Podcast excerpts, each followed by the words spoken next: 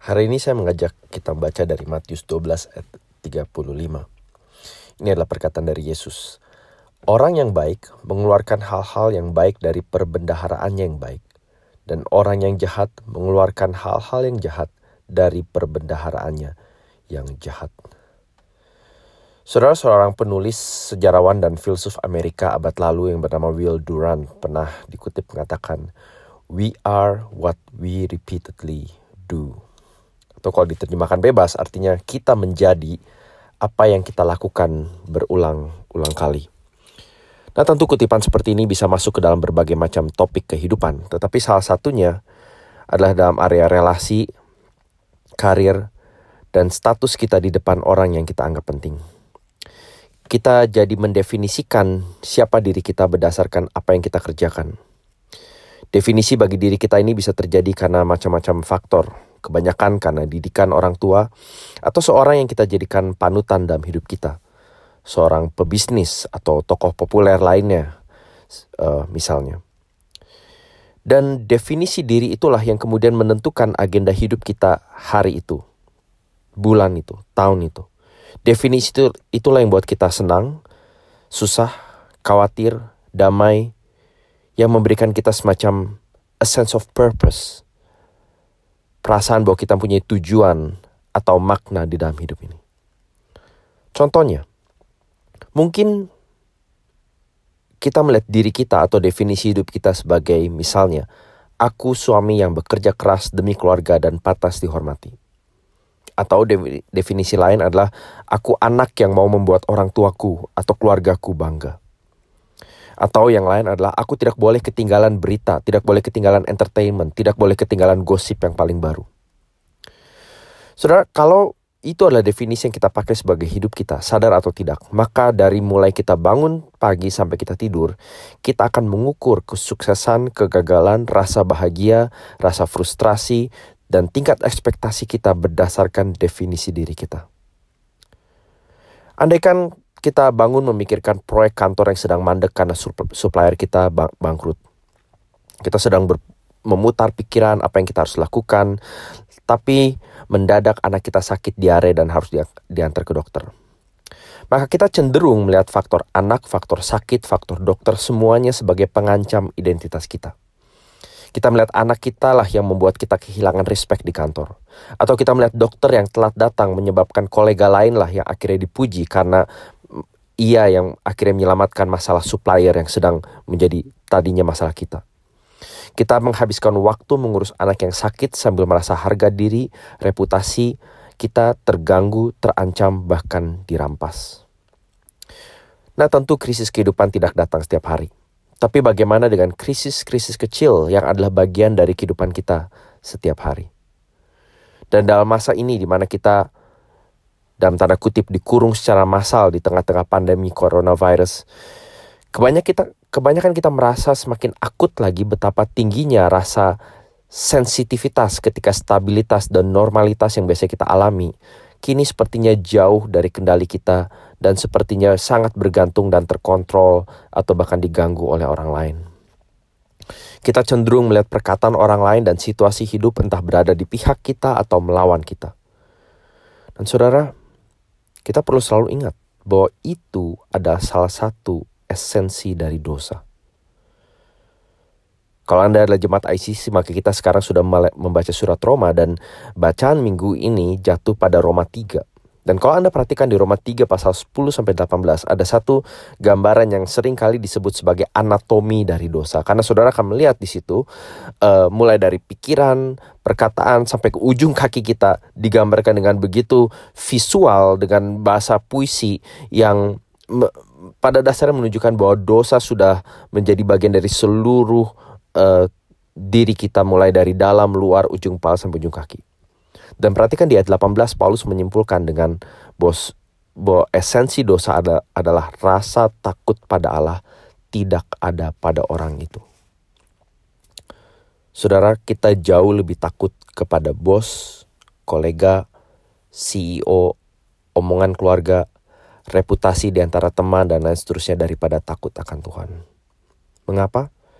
Karena kita mendefinisikan diri sendiri berdasarkan pikiran dan kemauan kita sendiri. Kita mendefinisikan sendiri siapa diri kita dan untuk apa tujuan kita diciptakan. Tokoh reformator Martin Luther menyebut ini sebagai homo incurvatus in se, bahasa latin yang pada dasarnya berarti manusia berdosa yang hidupnya melengkung pada dirinya sendiri. Apa yang kita lihat, apa yang menjadi tujuan hidup kita, apa yang menentukan perasaan kita adalah apa yang kita lihat berdasarkan definisi kita sendiri akan siapa diri kita dan tujuan untuk apa kita ciptakan. Dan tahukah Anda bahwa Tuhan tahu persis apa yang Anda alami? Ini ya salah satu pelajaran terpenting yang kita pelajari dari inkarnasi Allah menjadi manusia di dalam diri Yesus Kristus. Waktu Allah membatasi dirinya menjadi manusia, ia merasakan secara fisik harus berjalan berpuluh-puluh kilometer. Ia merasakan kelelahan mental melayani ratusan bahkan ribuan orang. Ia merasakan sakitnya ditolak oleh umatnya sendiri. Tetapi di tengah semuanya itu, ia tidak berhenti berbuat baik. Bahkan dengan tegar dan tekun dan tabah sampai pada perbuatan terbaiknya yang paling puncak yaitu dengan menderita di atas kayu salib bagi dosa-dosa kita. Saudara, di dalam Yesus kita melihat apa artinya menjadi manusia dan untuk apa kita diciptakan. Yesus merasakan setiap godaan dan cobaan kita untuk untuk lebih takut pada manusia daripada, daripada takut akan Allah. Dan di dalam kemanusiaan Yesuslah kita bukan saja melihat ekspresi kebaikan teragung Allah kepada kita, tetapi juga di dalam kemanusiaan Yesus kita melihat teladan kebaikan untuk kita ikuti. Saudara, melalui Yesus Anda bisa percaya bahwa Allah sungguh-sungguh mengerti hal-hal yang sering kita jadikan definisi siapa aku setiap hari. Melalui Yesus juga kita tahu bahwa Allah justru mau memberikan kepada kita definisi siapa aku yang sesungguhnya.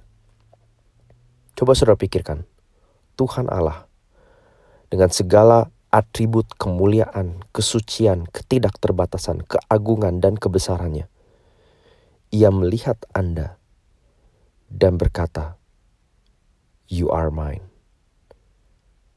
Kamu adalah milikku. Kamu adalah milikku yang berharga dan amat kukasihi.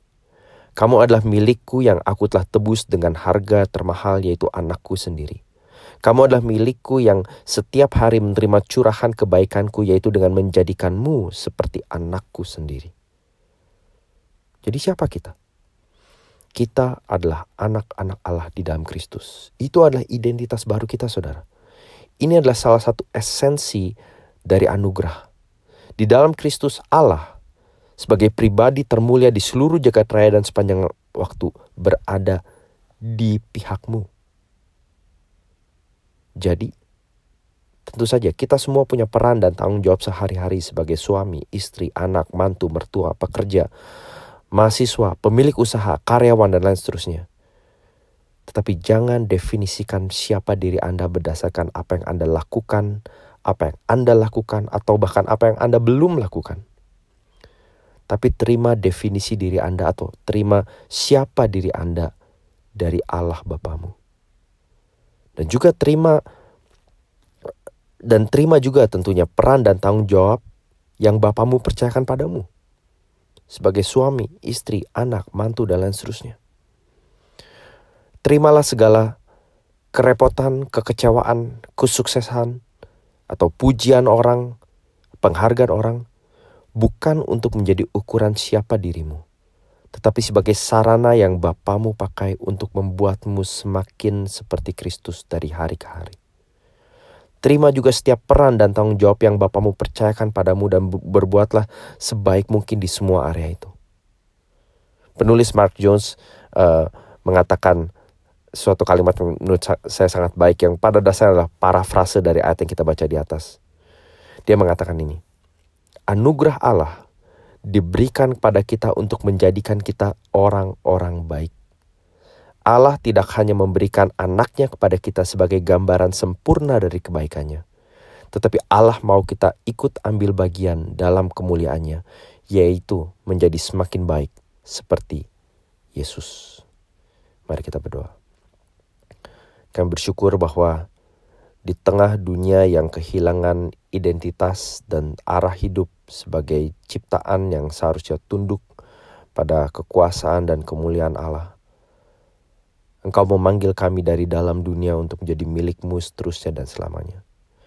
Engkau menjadikan kami berharga karena Kristus yang paling berharga rela untuk tidak dihargai, dihina, bahkan dihakimi dan dibunuh demi dan bagi kami. Dan dibangkitkan untuk menunjukkan bahwa Engkau Allah sungguh-sungguh menghargai perbuatan terbaik Kristus bagi kami.